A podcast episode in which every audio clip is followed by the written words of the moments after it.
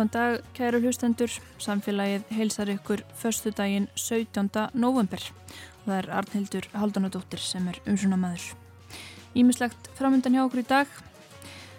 Jarðfallið í Jerdrum í Nóri er mörgum minnistætt. Þetta var í lók desember 2020, mörg hús, gjör, eðilöðust og tíu létust. Þessar hamfarir eru margt ólíkar þeim sem nú standa yfir í Grindavík en í báðum tilfellum hafa yfirvöld þurft að bregðast við, tryggja öryggi íbúa og afkomu. Í dag hegst félagsmálar á þeirra til dæmis leggja fram frumvarp sem á að tryggja grindvikingum sem unni bænum launagreðslur í þrjá mánuði. Við ræðum viðbröð yfirvalda hér og í Noregi við náttúruhamförum við Herdísi Sigugrimsdóttur stjórnmálafræðing en hún er nýflutt heim frá Noregi og starfaði þar hjá hérads yfirvöldum í Stafangri. Og þá að sjúkdómum flestir smitt sjúkdómar sem hrjá okkur mannfólkið berast úr dýrum. Þannig sjúkdómar eru kallaðir, kallaðir súnur og meðal þeirra er slátur bóla, hvimleið veirusíking sem borist getur úr söðfjegi menn. Við kynnum okkur þetta fyrirbæri nánar. Og Vera Íllóðadóttir kemur svo í dýraspjalli lók þáttar. En við byrjum á viðbröðum við náttúruhamförum.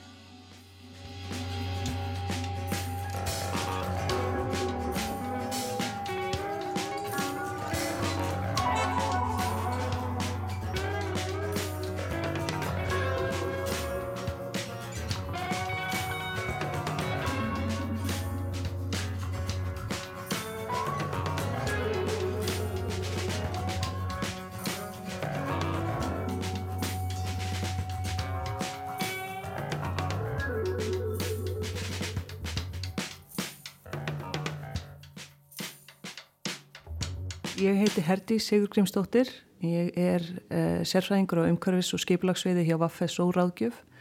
og er nýflutt frá Stafangri í Noregi uh, og þar vann ég hjá Hjeraðsefjöveldunum og var þar sviðstjóri fyrir, fyrir umhverfis og, og loftslagsmál. Og í Noregi hafa dönið á, á hvern áföll. Það voru mikil flót í sumar þar sem að innviðir og, og heimili fólks uh, skemmdust og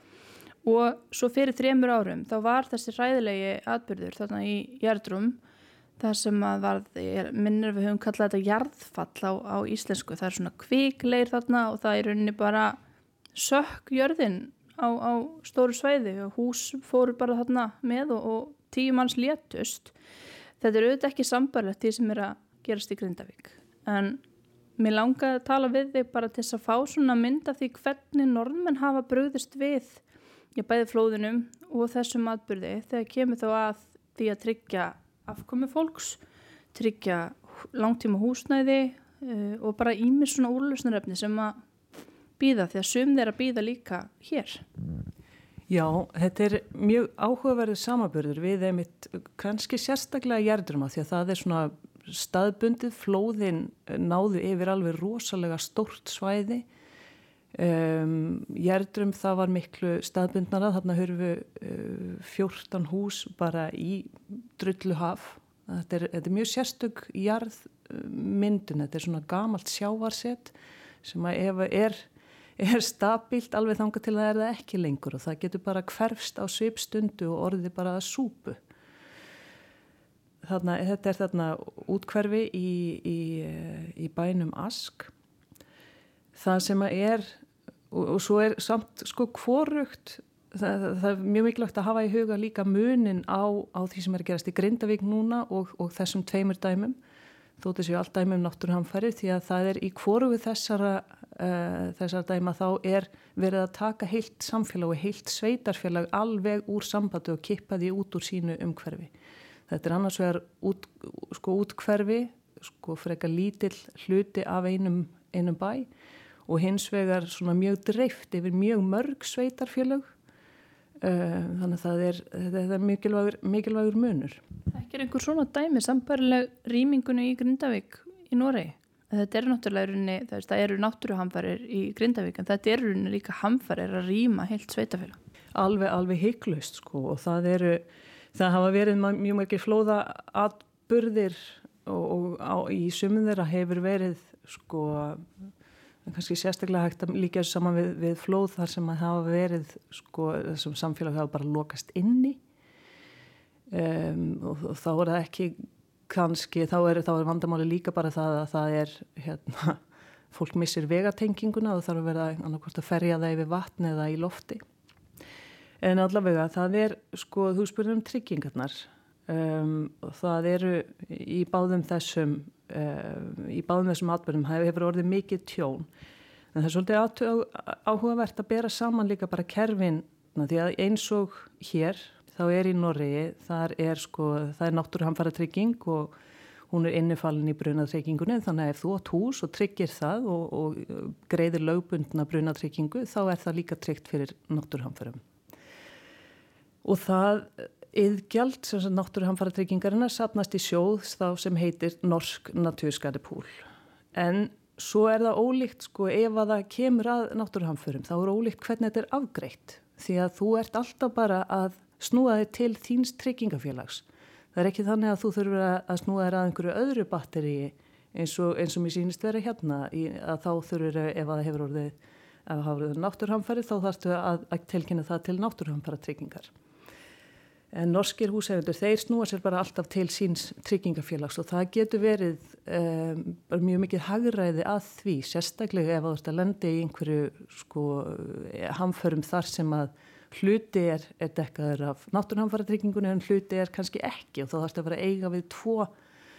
tvo tryggingar aðeila og sækja þá tveimur stöðum sem eru kannski ekki endilega alveg e, samstíða. Og svona hagræði það er mjög dýrmætt ímyndum að sér á svona tímum að flækjust í að sé sem minnst. Alveg það fólk er, hefur í, í mörg horn að líta og, og mikla tilfinningar og, og, sko, og stress sem að fylgja svona það er um oft vannmetið tilfinningarlega hliðin eftir að fólk hefur lendi í, í, í náttúruhamförum sem að getur fyllt fólki bara í sko árum árum saman. Við finnst að hafa mist öryggi sitt og svo framvegis. En það er í rauninni, þetta er þessi náttúruhamfara trygging, hún tryggir í rauninni bara fastegnir og innbú sem við sem, sem, enga, sem bara Jón og Gunn út í bæ erum að tryggja. Og svo er til annar sjóður sem heitir Statens Naturskadeordning uh, það heyrir undir landbúnaðstofnun ríkisins og þar er tryggt þetta sem fellur ekki undir venjulega brunatryggingu eins og sko bara tjóna á landbúnaðarjörð girðingar, skóarvegir og brýr sem að þeim fylgja og framvegis Það er svona innviðir í enga eigu Já, mjög oft, mjög oft tengt landbúnaði og, og þetta er svona innviðir sem ekki eru, sem ekki eru til tryggingar fyrir. Það er alveg skilir því í þeirri tryggingur. Sé, getur bara, þú getur bara sótum bætur í þennan sjóð fyrir eitthvað sem ekki er hægt að tryggja á annan hátt. Hvað bara um annars konar viðbröð við svona hamförum auðvitað með þeim fyrirvara þetta er ólíkt og eðlis ólíkt því sem er að gerast í, í Grindavík en samt kannski einhverjir sameilir fletir Uh, það kemur bara að því að tryggja sko húsnæði, tryggja afkomu. Já, það var sko áhugavert að sjá í skoðans yfirleiti yfir bara líka samskipti og, og svona hvað, hvað var gefið út af ofnbærum yfirlýsingum eftir, eftir jærdrum og þá sé ég bara nokkrum tveim, þreimund dögum eftir þetta þá er kemur eh, samband tryggingafélaga og gefur, gefur þeim sínum meðlumum, tryggingafélagunum mæla með því að þeir sem að geta ekki farið aftur í sín hús fái bara strax um, þetta er annan januar mælt með því að tryggingafélagin gefi fólki bara uh, í rauninni vilirði fyrir að þau fái stuðning fyrir húsnæði út árið í rauninni heilt ár og að þetta gefið út bara þrema dögum eftir, eftir náttúrhanfarinnar og það er, það er kannski mjög, mjög stór munur og líka sko að reyndar eins og er búið að gera hérna að, að ráþerra og yfirvöld gefa þetta strax út líka að, að ríki muni standa við, við bakið á, á sveitafélagunum. Um, svo er viðbrögð við náttúruhamförum, það er, það er aðeins byggt upp á, á annan hátt, þau eru með civílforsvar þar sem við erum með björgunarsveitir og þau eru með líka, svona, þetta er aðeins önnur, önnur uppbygging á þessu en, en í svona stöðu þá er það eru bara allir að, allir að leggja sitt á mörgum. Og sko, ég sá bara á Facebooku að þú hefur verið svolítið með hugan við Grindavík, þú hefur verið að upplýsa þína norsku vini og, og, og kunningja þar um hvað er að gerast. Já, ég er náttúrulega, sko, þegar að snýra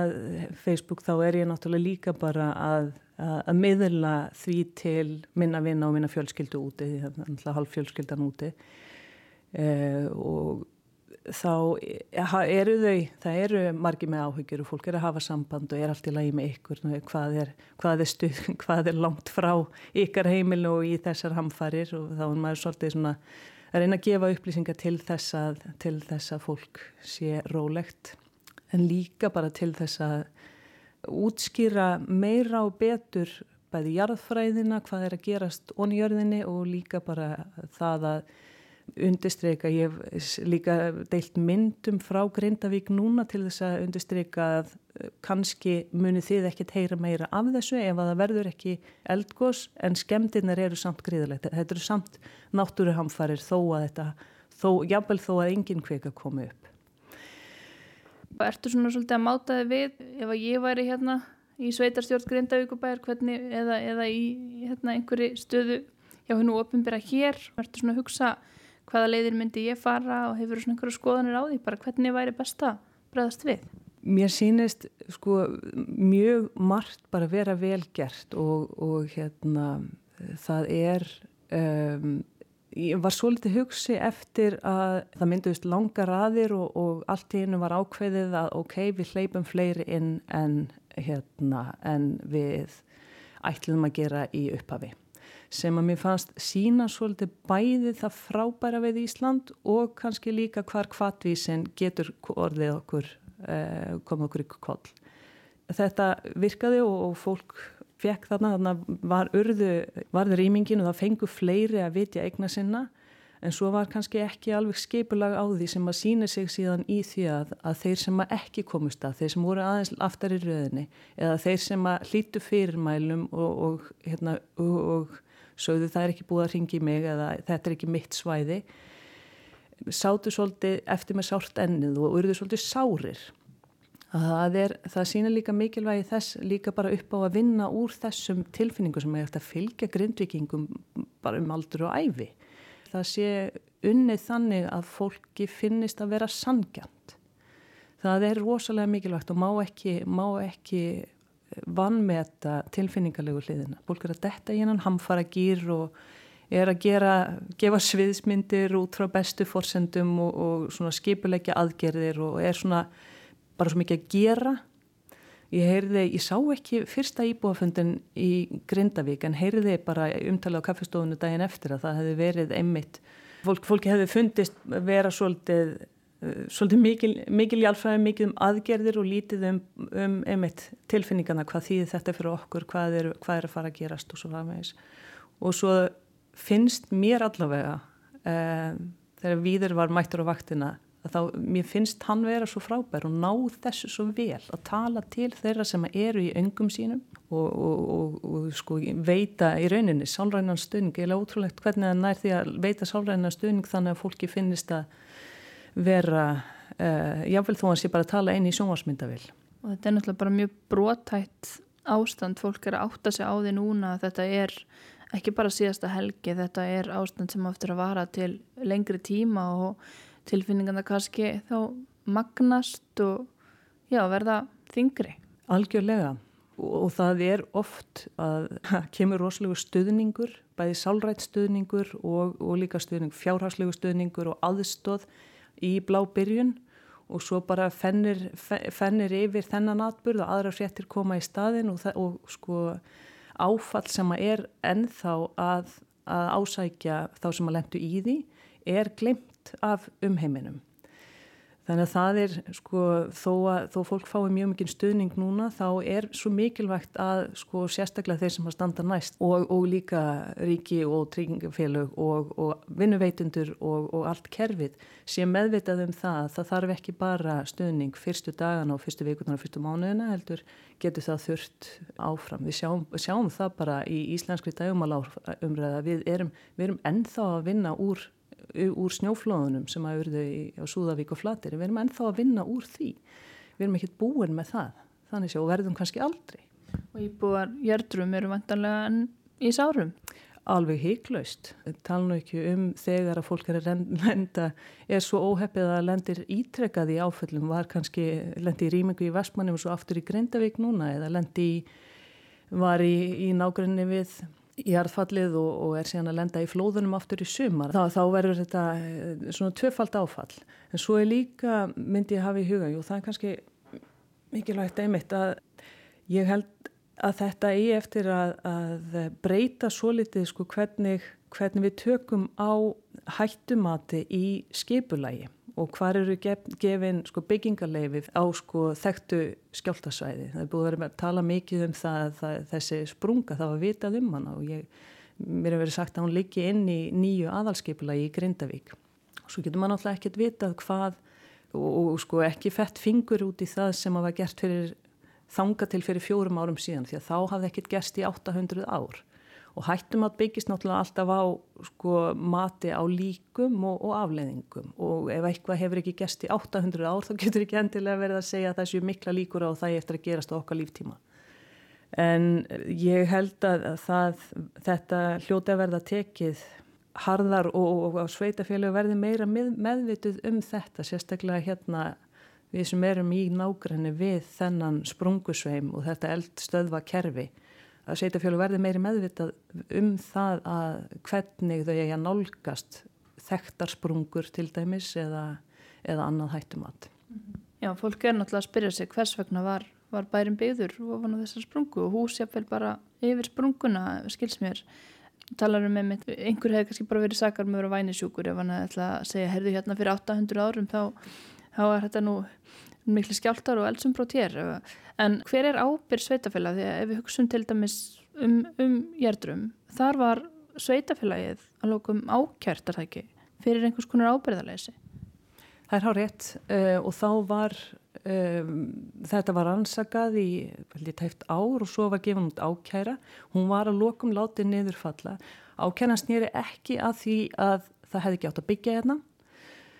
Uh, hún snýr ekki að því að hér hefði átt að setja upp varnargarða til þess að halda þessum jarlugum stabilum heldur það að sveitafélagi hafði ekki nógu góða gæðastjórnun hafði ekki kerfi til þess að taka á móti og vinna úr ábendingum um að hér væri raunveruleg hægt áfæli því að það hefði komið, sko þetta var byggt þetta hverfi 2005 og svo er að koma að það með reglulegu millibili ábendingar um að hér er búið að grafa svo mikið úr læknum það hérna hefur verið bara veðrun, vassveðrun sem, a, sem að getur gert þessi jæðalög uh, eh, óstöðug og út frá einum læk getur farið alveg rosalega stórt svæði þegar þetta fyrst komið í gang, rekkur í ganga þetta ferli. Og nokkrum árum síðar var líka komið mótmæli frá íbúum við skiplagstillögu þar sem að átti að byggja að, enn aðeins meira í þessu hverfi vegna þess innmitt að það gæti orðið of mikið álag á þessi jarlög. Þannig að það var sko ákjærans nýra því að, að það væri ekki, hefði ekki verið tekið nægilega, nægilega mikið mark á þessum ábendingum. En þetta er aftur, þetta er bara ólíkar aðstæður og ólíkar fórsöndur. Já, en svo eru mjög reglulega og, og, og sínist mér miklu oftar heldur en kemur í fréttir allavega í Norri, höfðuð mál og ég held að tryggingafélagin séu mjög mikið í þessu að höfða mál á hendur sveitafélagunum þar sem hefur verið gefið byggingaleifi á þekktu flóðarsvæði til dæmis og eru þá að reyna að sækja, sko við getum ekki verið að taka alla ábyrðina tryggingafélagin þegar að sveitafélagin sín ekki nægilega ábyrð í, í sínum leifisveitingum og í sínum skiplagsmálum og ég held að þau séu svona, mér sínist að þeim frettur sem ég var að lesa að, að þau séu svona svolítið að pota í sveitafélagin og bara með því að sækja þetta nú ofta á séu þau reyna að stuðla að einhverju hugarfarsbreytingu hjá sveitafélagunum að við verðum að hætta að gefa byggingarleifi á þekktu flóðasvæði til dæmis. Já, Íslandi geti byrtingarmyndin verið að við þurfum að hætta eða við þurfum að taka meira marka á sprungum eða líka snjóflóðasvæði og flóð og, og annað sem að sjávarstaða augljóslega sem að getur verið íslenska byrtingamindin. Þegar nú til dæmis verður að byggja mjög mikið á, á Oltanissin, nýja byggingar og er ekki hættu að sjávarstaða hækki mikið þar, þú veist það er, það er mitt ímislegt. En, en hérna bara lókum þegar þú nefnir hvatvísi Íslendinga, finnst þér þetta að vera engjandi bara þegar þú berð saman Ísland og Noreg að, að það sé svona allt pínu lausar í reipunum hér og þá kannski með þetta bæð á góðan og sleiman átt. Já, algjörlega og það verður að vera það því að við erum bara, við erum bara, hvað eru 350-60 þúsund sem að erum að manna heilt þjóðfélag. Við erum sko með svona fáafólki, erum við að manna bæði stjórnkerfi og háskóla og sjúkrahús og og flugvelli og allar þessar sérhæfðu stöðu sem að aðra þjóðir hafa miklu meira mannafl til þess að reyka. Augljóslega verður miklu minni sérhæfing, það verður minni tími til greininga og til þess að, að hérna, í rauninni kafa ofan í smáatriðin á, áður en ákverðinu tekin. Stundum er það frábært, það er mjög skilvirt. Bóðleiðir eru rosalega stuttar á Íslandi. Það er auðvelt að fá svar við spurningunum sem það er með en svo að samaskapi þá, þá getur það eh, leitt til þess að við séum stundum að taka ákvarðanir sem er ekki nógu vel ígrundaðar. Takk fyrir að vera þess, þessar aðstæður saman upp á því marki sem, að, sem að hægt er og bara áhugavert að, að fá þessa einsinn. Takk fyrir mig. Já, þetta var Herdís Sigurgrimsdóttir.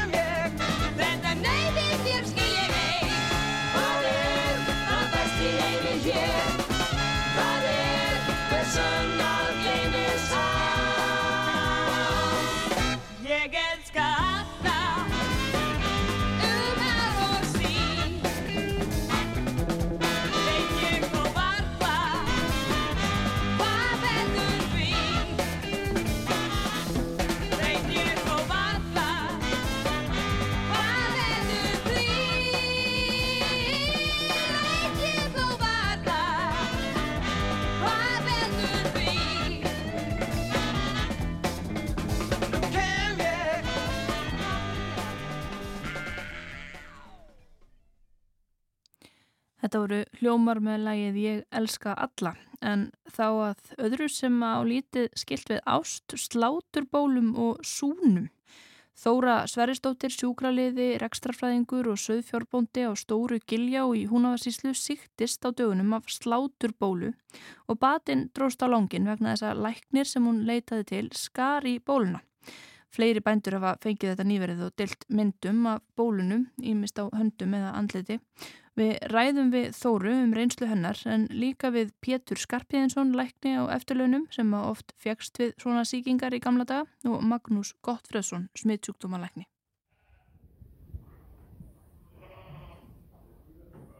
Hún svona sprettur upp þannig að uh, það var meðan oktober. Ég held að það hefði kannski verið að ég var að handkjalla bara sátt kjött og var ekki meira en að hanska og það hefði verið með svona pínu sár sem ég held að veri gróið. Ég tekk þess að slátubólu sem spratt upp bara svona eins og nappi og ég held bara að þetta væri eitthvað síkingu og það var að byrja þetta fúsitinn og svona. Svo var þetta svona eins og bóla, svona svolítið lág í þessu svona og þannig ég er stödd í Reykjavík og hér að lækna þetta og hitti þær lækna sem að heldur að þetta sé bara síking og skeri þetta og það náttúrulega kemur ekkit úr þessu þetta er svona öðru sér og hann hafði nú aldrei séð svona áður Og þá og byrja ballið í rauninni eða hvað? Heldur betur og það, hann kallaði til hérna eldri lækni sem að staðfæstu að, að þetta myndi vera slátubóla og, og ég var bara sendt heim og svo bara vestna fingurinn alltaf og vestnar og vestnar og ég var farin að hafa svo mikla kvalir og ég svona gæti ekki sofið Hittin orðin tvefaldur og, og farin að koma bólka upp á, upp á hérna handabækið. Já, bara enginni þá, þá blóðeitrunar eða eitthvað þar svolítar? Já, ég raun að veru og hérna þá fær ég semst að bráðavaktina og ég setta svona breyðvirt síklarlegt nálvið í tværi vikur. En nú er þetta bara gróið. Það var bara gróa núna í svona cirka bóti gæri eða eitthvað. Það er gott eftir, eftir þennan tíma og, og sko vissir þú hvað Já, þetta var? Hafið alveg... þú áður hirt um sláturbólu? Ekki, ekki sérstaklega svona, ég kannski einhvern veginn að hirta en ég var ekki með, með þetta neitt í, í kollinum sko. Þeir segja sko að það megi aldrei skera í sláturbólu sko. Og hingað er komin, já, læknir, heldri borgari, læknir á, á eftirlaunum, hvernig á að kynna þig?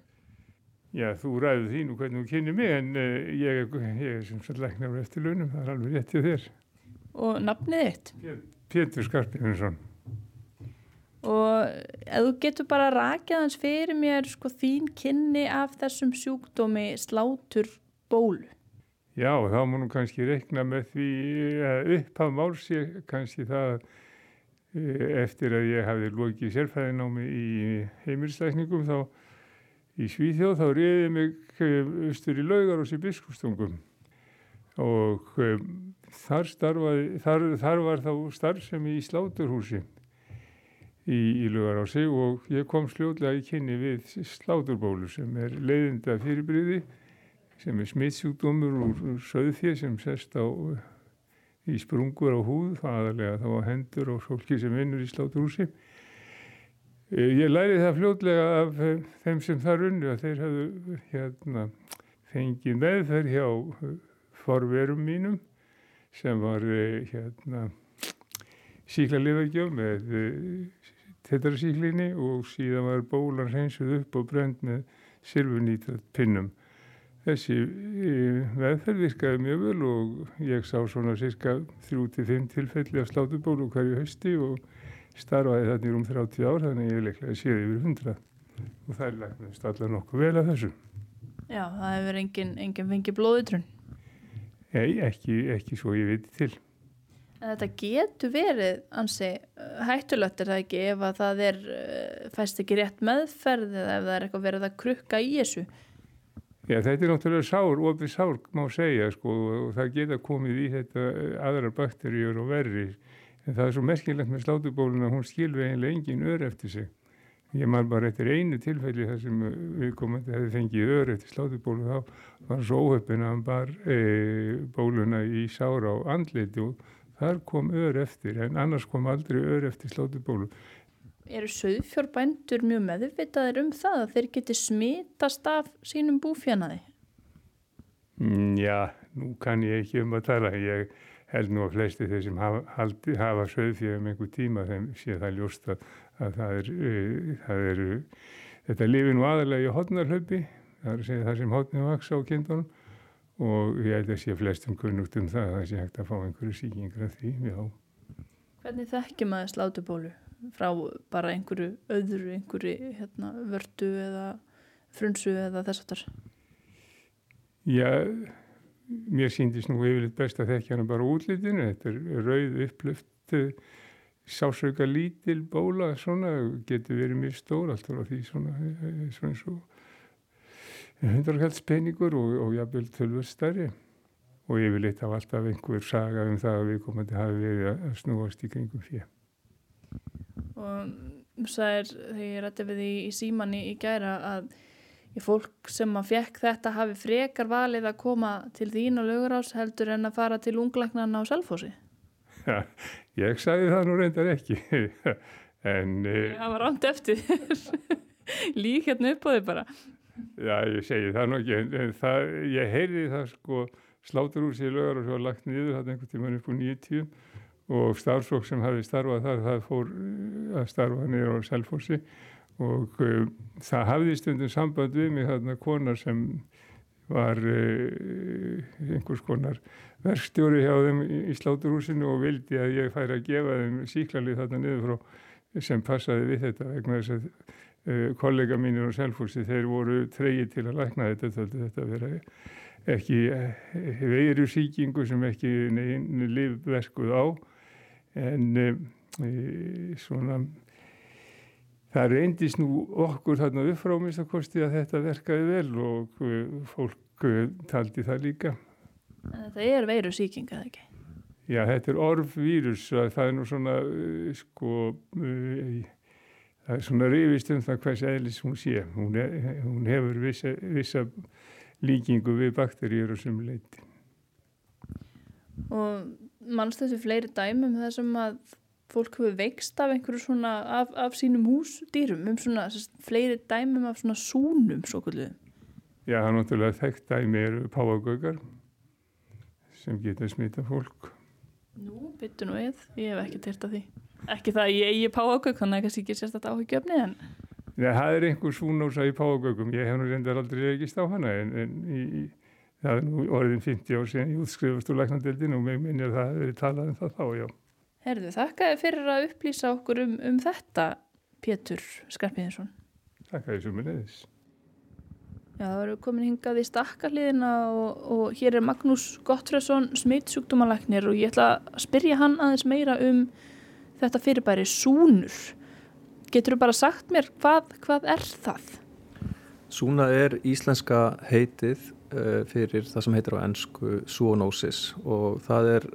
yfir hugtak fyrir sjúkdóma sem að berast í menn frá dýrum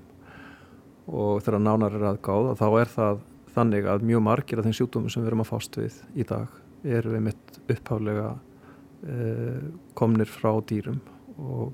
augljóst dæmi um það var til dæmis bara COVID uh, og menn deila svolítið um það hvaðan nákvæmlega veiran kom uppalega klárlega frá leðublögum en svo má deila um það hvað gerist þannig í middeltíðinni þar talum barst yfir í menn. Nú annað dæmi væri influensa og spænska veikin er nokkuð gott dæmi um það. Það talaði að hún hafi borist frá föglum og mögulega með einhvers konar millistígi í spendurum eins og svínum og síðan þaðan yfir í menn. Eh, það eru síðan til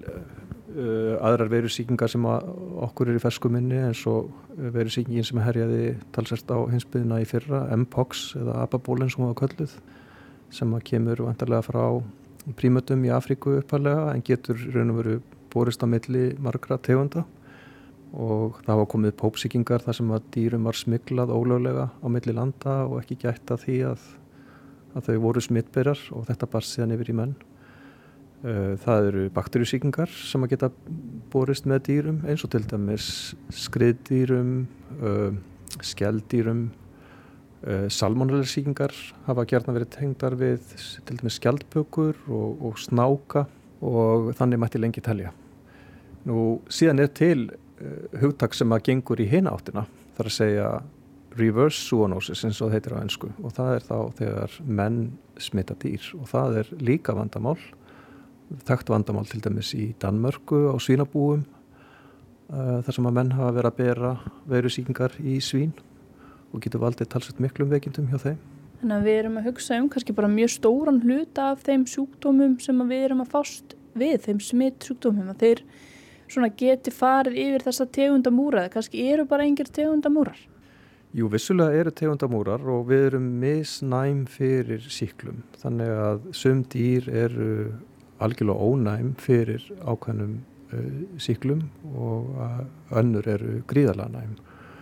Um, og við skiljum það ekki alveg til hlítar kannski hvað það er sem að ræður því hvort að tildekinn tegundi mjög næm eða ekki en mjög oft hefur það eitthvað með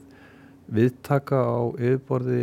fruma að gera að ef það eru mörg viðtæki fyrir síkilinn, veira eða bakterja að þá getur niðurstaðan orðið alvarlegur sjúkdómur hjá viðkomandi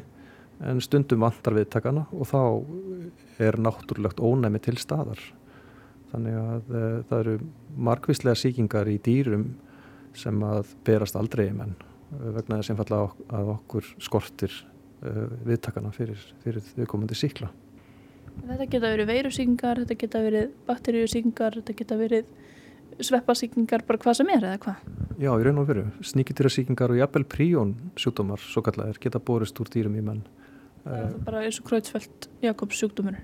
eins og Kreutzfeldt Jakobs sjúkdómur sem að reyndar berst sko frá, getur borist frá manni til manns en, en síðan uh, kúariða sem að barst einmitt úr kúm eða úr nautgripum og yfir í menn uh, eins og var talsett svona umtalað í Breitlandi undir lóksíðustu aldar og í byrjun þessar, þessar ár, árþúsunds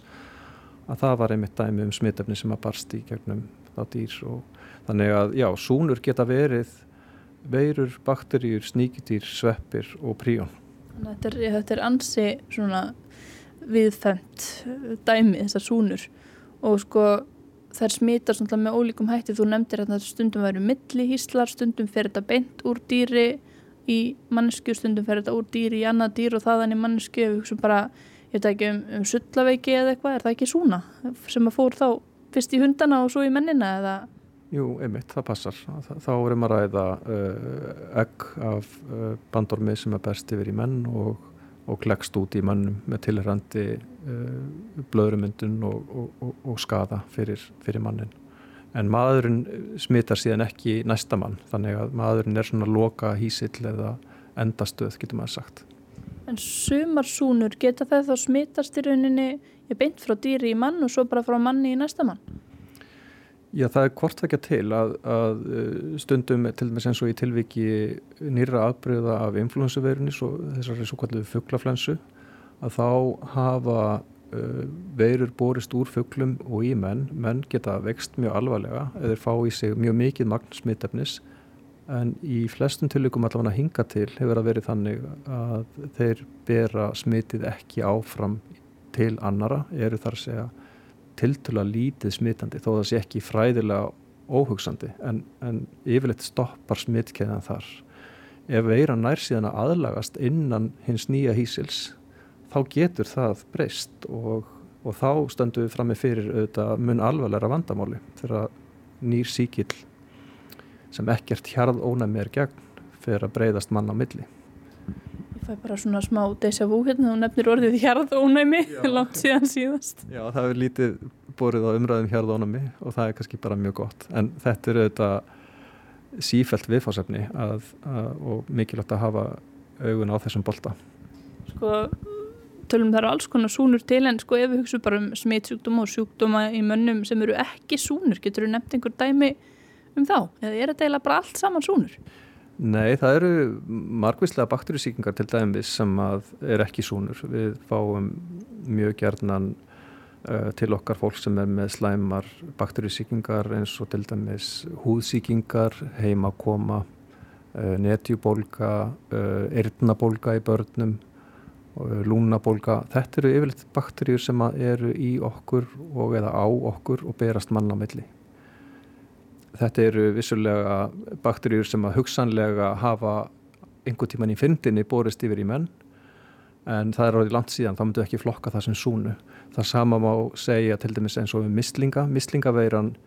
er mannasjúkdómur uh, en það er talið að hún hafi borist í menn fyrir þúsundum ára. Þannig að upphalega voru mislingar kannski súna en hafa síðan náð fótfestu meðal manna og þá hættu að flokka það sem súnu því að hún er farin að berast manna á milli. Já, þannig að þegar þetta er farið að smitast á milli manna þá svona kannski hverfur þessi súnu stimpill. Nákvæmlega. Hvað svona við vitum náttúrulega það er bara hérna gamal reynd gummul þekkinga maður á ekki að vera að vasast í dauðum fugglum eða róttur þú veist það er svona hefur verið tengt við og náðir ímiskonar hefur verið tengt við hættu á, á sjúkdómum. Hversu sko hvað er þetta að gera? Þarf að takmarka mjög samneiti við dýr? Getur ný súna stungið upp kollinu hvernig sem er? Eiga hundaeigendur að, að vera að kjassa hundana sína? Veist, hva, hvað er þetta að gera til þess að draga úr þessari hættu? Jú, við þurfum auðvitað bara að huga vel að dýra velferð og uh, hugsa vel um dýrun okkar og ég er alls ekki að mælast til þess að fólk hægt að kessa hundarna sína en, en við þurfum auðvitað að hugsa um helsu þeirra og að þeir séu bólusettir og, og dýrin sem að verum að umgangast og höfum inn á heimilum að þau séu raust og, og séu í reglubunni eftirliti eins og er áskilið í lögum. Um, þannig að þetta er auðvitað eitthvað sem að í svona þjóðfélagi sem að hefur góða innviði og gott eftirlit og, og hérna, ábyrga eh, dýra eigundur, við ættum ekki að þurfa að óttast. Og sko, því að nú fór ég að hugsa um þetta upphálega og heldir hérna súna, súnur væri svona miklu minna mengi af öllum smittsjúkdómum en ég fór að pæli þessu að því ég sá mynd á Facebook af, af konu sem hafi fengið sláturbólu. Það er eitthvað sem smittast frá söðfjö í menn er sko mikið um svona sjúkdóma sem eru kannski ekki á allra vitorði geta smitast úr hústýrum yfir menn hérna á, á Íslandi. Vist, er, er það sko ólíklegt ef að, ef að ég er hérna eitthvað í einhverjum ketti að hann klóra með eitthvað og ég fer að fá einhverjum útbrót og ég hafi bara smitast af einhverjum nýjum, einhverjum nýri súni, sko hvernig virkar þetta? Ég myndi segja að almennt sé hættan frekar lítil á Íslandi, bara einfallega fyrir þess að okkar uh, flóra og fána er til dæla fábreytileg. Við erum með mjög fá vilt dýr, við erum ekki í mikillir snertingu við þessi viltu dýr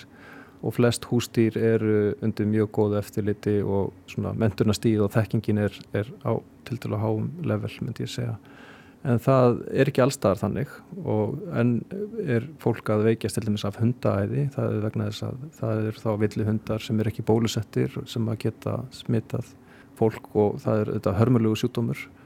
Það eru til alls konar sjúkdómar sem að tengjast einmitt eins og segir nagdýrum það eru vilt dýr eins og hérar sem að geta borið ákveðna síkla sumulegðis og jafnvel söðfjö í nákvæmlega löndunum, öldusótt eða Q-fíver er eitt dæmi. Þannig að þessi listi er bísna langur og forutnilegur en sem betur fyrir er þetta ekki uh, algengt vandamál en við þurfum öll að vera samt sem áður þokkarlega meðvitið um að, að þessi sjúkdómar eru ennþá til og eru landlægir sem staðir eða tiltala algengir í sumulöndum í kringum okkur. Höldum okkur að þessu slátubóluna sko er hérna er eitthvað að gera til þess að forðast það til dæmis eða bændur að vera með hanska eða Já, þetta er uh, dæmi um veirusíkingu með svo kallari POX-veiru og þetta er veira sem er skild bólusóttaveirunni og sömuleiðis uh, veirunni sem að veldur uh, MPOX og getur smittast einmitt við beinasnertingu, gerna við snoppuna á, á lömpum og þá er mjög mikið magn smittefni sem að, sem að berst á milli með tiltala litlu magni af, af slími eða, eða bara rétt af yfirborði snoppunar og yfir kannski því lítið sár eða eitthvað, einhverja misfelli í húðinni. En sem betur fer ekki algengt vandamál og, og, og ekki alvarlegt í sjálfu sér þó að það sé um, svona kvimleitt? Sko, byrtingarmynd sjúkdómsins ef að, ef að ég fæ sláturbólu og lampið er með þessa veiru í sér, er það að fá samskonar engjani og ég? Það þarf ekki að vera. Það þarf ekki að vera byrtingarmyndir síðan ákvæmlega svo sama og, en sem betur fyrir að þá nær veiran yfirlt ekki að dreifa sér mikið, hún myndar uh, þessi enginandi útbrót sem er einmitt svona bóla sem er vessafyllt og nokkuð stór á staðnum þar sem að eh, snertingin átti sér stað en dreifir sér mjög sjaldan eitthvað út fyrir það nefnum sér að verulega ónumiðspælingu þannig að hún stoppar bara á þeim stað. Þannig að þetta er kannski gegnum gangandi með súnur að byrtingamyndin er ekkert eins eftir hýslum eða, eða, eða þeim sem síkjast Nei og það gildir meiri segja um sama síkil að ef við byrjum saman hundra manns sem hafa fengið kannski síkingu með sömu bakteríutegund að þá er byrtingamyndin mjög breytileg og það hefur eitthvað með okkar ónæmiskerfi, erðafræðilega bakgrunn að gera og kannski líka uh, hversu vel ónæmiskerfið þekkir viðkomandi síkil og náttúrulega þegar best lætur og fólk hefur kannski fengið bólusetningu eða jafna sig að fyrir síkingu þá gerist ekki neitt. Lókum bara þegar nú uh, vitum við að COVID-19 það er súna í rauninni eh, kannski ekki lengur súna fyrst að fór svo að fara á milli fólks en, en sko það hefur verið talað um búsvæðaröskun það hefur verið talað um, um áhrif lofslagsvár eh, munu við koma til með að sjá fleiri svona dæmi, fleiri sjúkdóma koma fram á næstu árum út af þessu, út af því að við erum að ganga á búsvæði vildra dýra og út af viðfarsbreytingum Já, ég held að svari sé afgerandi já við því, því miður. Það er talsett mikið af floknu lífríki undir þegar við erum að ráðast inn í kannski uh, skóa þar sem að uh, búa fyrir dýr sem að hafa ekki kannski verið mikill snertiku við mannin og við höfum nú þegar nokkuð dæmi um slíkt uh, Indonésiu uh, þar sem að nýjar veirur hafa komið fram og valdið talsett miklu tjóni og hils, bæði helstu tjóni og efnahagslegu tjóni vegna einmitt ágegni mannsins og innrásar hans inn í um, uh, vistkerfi dýrana og, og það eru flesti sem að spá því að það muni halda áfram uh, meðan við höldum upptaknum hætti. Er þetta góður, slemt, slemt tímubil fyrir okkur, er þetta góður tími fyrir veirur? Uh, ég held að uh, sko veirurnar eru auðvitað pílitið svona eins og döður hlutur mann deilum það hvort að veirur séu lifandi eða ekki en þær uh, gera bara það sem að kannski hendar þeim þegar sopur undir. Þannig að ef þær eru settar eða komið fyrir í einhverjum tiltaknum aðstæðum að þá munum þær leitast við að við halda sjálfum sér eins og allt líf gerir. Einmitt það. Takk fyrir spjallið Magnús Gottröðsson Takk sem leðis Já, og þá að öðru, hún Vera Íllóðadóttir er sest hérna og tilbúin að fræða hlustendur um einhverjar merkist skeppnur, ekki sett? Jú, uh, af því að ég var nú hérna í síðustu viku og talaði þá um uh, mörgæsir á Nýjasjálandi og fyrst við erum í þessum efnisflokk uh, nýsjálenskir förðufuglar uh, á annar borð þá finnst mér algjör nöðsinn að minnast aðeins á uh, já, árlegan viðburð og mál sem hefur borið nokkur sinnum að góma í þessum þætti í áranar ás uh, sem frækt er þá velja nýsjálendingar líka á ári hverju fuggl ársins með heljarinnar þjóðaratkvæðagreðslu sem sem að vekur eh, mikla aðtegli innan Nýja Sjáland sem utan. Nýjasjálendingar mjög stoltir af sínum uh, skrítnu fugglategundum sem eru fjölmarkar og markar sem að fyrirfinnast bara á eigunum og eru sumleðis í útrymmingarhættu og uh, svona leið til að þess að vekja aðtegli á þeim og vernd þeirra og þessi atkvæðagreðsla, já, hún hefur oft það var oft ímislegt eh, komið upp, það verið eh, uppgötvar tilraunir til kostningasvinds Erlend afskipti af eh, kostningunum atkvæði að berast frá Ástralíu í massavís og, og fleira og fleira. Og, og skemst að minnast þess 2021 þegar Leðurblaka fekk þáttugrétt í kefninni fugglársins og, og kannski talast sent fugglar Já, en, en bara þetta sigur úr, sigur úr bítum á þess að ég, á þess að ég segi mína skoðun á, á, á því. Þá var uh, leðublagan uh, kosin fugglársins og, og það þótti mjög umdilt en sömulegis ánægilegt fyrir aðdáðandur uh, leðublaga en í ár var mikill viðbúnaður í þessari atkvæðagreyslu af því að það var ekki kosið í ár núna á síðustu vikum. Þetta fer alltaf fram í, í oktober og november ekki um fuggl ársins heldur Fugl aldarinnar í tilefni þess að það eh, eru í ár hundrað ár síðan aðal náttúruvendar samtökni í Sjálands, Forrestin Börd eh, sem að standa að þessari atkvæðagreyslu voru stopnuð og bryttað upp á þeirri nýjung að nokkrir útöðir fuglar fengu þá að eh, vera með nokkra tegundir sem að urðu útdauðar eftir að Evrópu menn komu sér fyrir á Nýja Sjálandi og, og fóru að taka sér þar plás og uh, ég held svona kannski að þegar þessi uh, keppni var tilkynnt að þetta ætti að vera fuggl aldarinnar og ég veit að ég gerði það, margir hafi búist við að, að titilinn uh, myndi reppa þjóðarfuggl Nýjasjálands kífifugglin svo nátengdur nýsjálensku þjóðarsálinni að nýsjálendingar eru oft kallaðir kífís hreinlega á, mm. á ennsku, mennskir nýsjálendingar. Kífifuglinn sigraði þess aðkvæðagreyslu 2009 en ekkert sem að mælti gegn því að, hann myndi uh, ja, reppa titilinn fuggl aldarinnar. Og ég held að það hafi margir búist við því en það var áður en að áður en dróð til tíðinda í kostningabaráttunni og Það er alveg kostninga bara. Já, já, það, það eru hagsmunahópar. Það eru hagsmunahópar, þetta er, verður bara alveg eins og í pólitíkinni, það eru kostningastjórar, fólk sem að tekur að sér að stjórna baráttunni fyrir, fugl, fyrir ákveðin fuggl og það eru prentaði bólir og það eru mynduð bandalög milli, milli fugglategunda og svo framvegis og svo framvegis og, og mikið sem að getur komið, komið upp á í þessu. En einum fuggli í ár barst mjög öflugur uh, liðsauki og það var uh, bresk bandaríski grínistinn uh, John Oliver sem stjórnar þættinum uh, Last Week Tonight á HBO í bandaríkunum. Hann vakti í sínum þætti fyrir nokkrum vikum aðtegli á þessari keppni og tók sjálfur mjög skýra uh, afstöðum. Hann útnemdi uh, sjálfansi kostningastjóra ákveðins fuggls Uh, fuggl sem að heitir, uh, kallaður er á Nýjasjálandi Pútek Púteke teke, uh, heitir á íslensku toppgóði og er undirtegund af, já, góðategundinni toppgóða sem að fyrir finnst einnig víðar í Evrópu og Asju. En, finnst hér eða ekki toppgóði? Uh, nú tóri ég ekki að fullera það uh, í betni útsendingu en allavega að víðar en þessi ástrálska og nýsjálenska undirtegund, hún uh, á mjög undir höggasækja og eitthvað talaði það séu yfiringi sem þúsund uh, fugglar eftir á Nýjasjálanda þessari tegund og uh, John Oliver af einhverjum ástæðum ákvaða að vera með þessum fuggl í liði og hvatti uh, áhorfendur þáttarins til þess, a, til þess að taka þátt í atkvæða greiðslunni og kjósa þennan fuggl og viktum heirt smá brot þar sem hann talar um þetta. Já. I don't just want the Butaki Taki to win.